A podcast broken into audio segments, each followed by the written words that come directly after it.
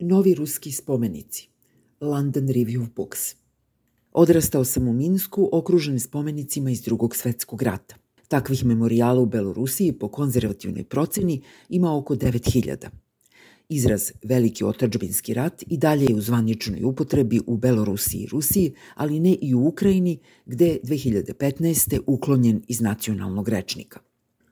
Ali kada sam posetio Kaliningrad 2017. da bih istražio rusku umetnost u javnim prostorima, zbunio me je spomenik Olega Kopilova iz 2005. To je dorski stub obložen crvenim granitom sa bronzanim reljefom na postamentu koji prikazuje svetog Đorđa kako ubija Aždaju.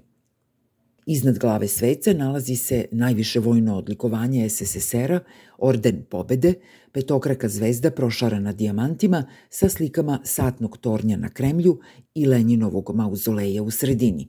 Još jedna, mnogo veća zvezda pojavljuje se na vrhu stuba. Gledano sa druge strane ulice, spomenik delimično zaklanja centralnu kupolu sabornog hrama Hrista Spasitelja, koji je takođe projektovao Kopilov – upotpunjujući vizuelni amalgam komunizma i hrišćanstva. Kopilov je jednom rekao da bronzani reljef Svetog Đorđa nije bio deo izvornog dizajna. Po ranijem, ambicioznijem predlogu vajara Aleksandra Rukavišnikova, koji je autor spornog spomenika Stefanu Nemanji u Beogradu, trebalo je da se na četiri strane postamenta prikažu scene iz sedmogodišnjeg rata, od 1756. do 63. Otačbinskog rata iz 1812. Prvog svetskog rata i Velikog otačbinskog rata. Predstavljajući rusku vojnu slavu u Kaliningradu tokom dva veka, spomenik bi izrazio fiktivnu ideju naročite istorijske veze između ove baltičke eksklave, deo Nemačke istočne Pruske do 45. i Ruske matice. Iako se dizajn pokazao preskupim za realizaciju, namera je jasna. Proslavljanje istorijskih vojnih pobeda u Rusiji regulisano je zakonom 1995. Mada je spisak svetih datuma sve duži, pobeda u Velikom otečbinskom ratu i dalje je posebna svetinja. Od početka 2000-ih širom Rusije javlja se novi tip ratnog spomenika u znak sećanja na heroje koji su se borili za zemlju i pod carskom i pod sovjetskom zastavom – Jedan od prvih spomenika podignutih na anektiranom Krimu bio je posvećen milicijama svih vremena.